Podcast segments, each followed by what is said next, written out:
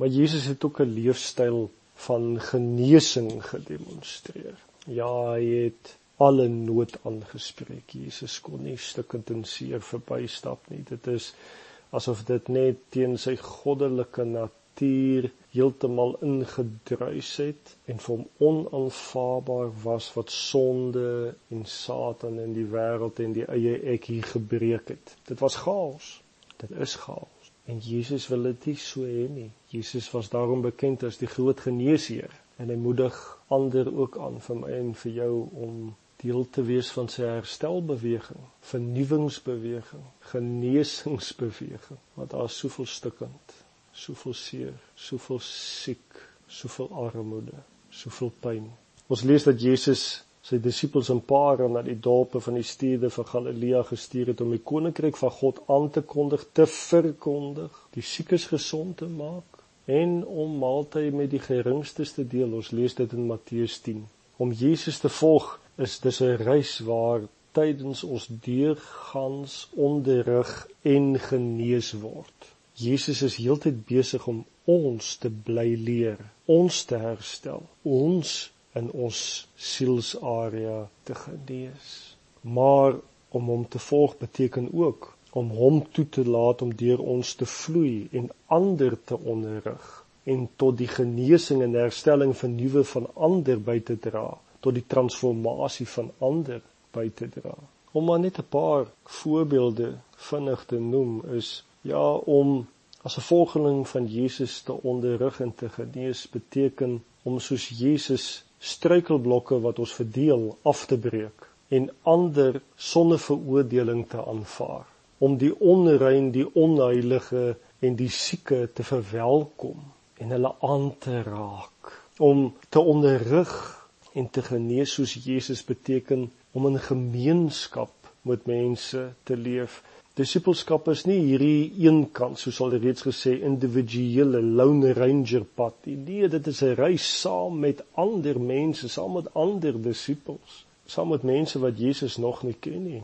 Ons het ander gelowiges nodig om ons aan te moedig en te bemoedig. Ons het nodig om verhouding te hê met mense wat twyfel, wat stikkend, wat seer is, wat nie vir Jesus ken nie, sodat die lewe van Christus deur ons kan vloei na hulle toe.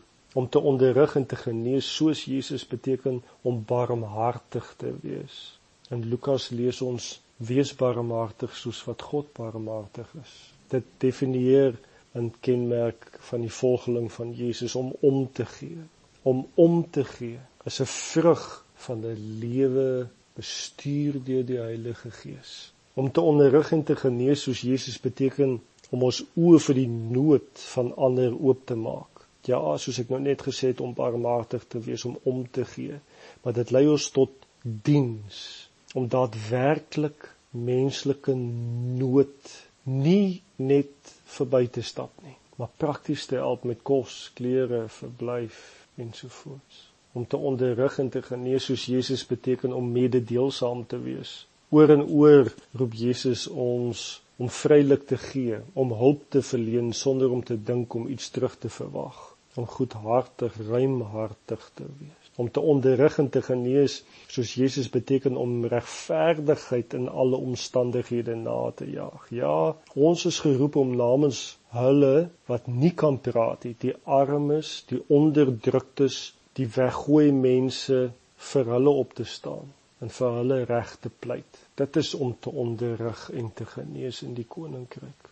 Om te onderrig en te genees soos Jesus beteken om teen wraak en haat en baklei op te staan, om haat en bitterheid en onvergewensgesindheid met vergifnis te vervang. Dit beteken om jou vyande lief te hê en vir hulle te bid, om te onderrig en te genees soos Jesus beteken die bereidwilligheid om vir die koninkryk van God te sterf. Onthou Jesus se reis het na die kruis gelei en dis waarna Jesus ons roep, die weg na die kruis.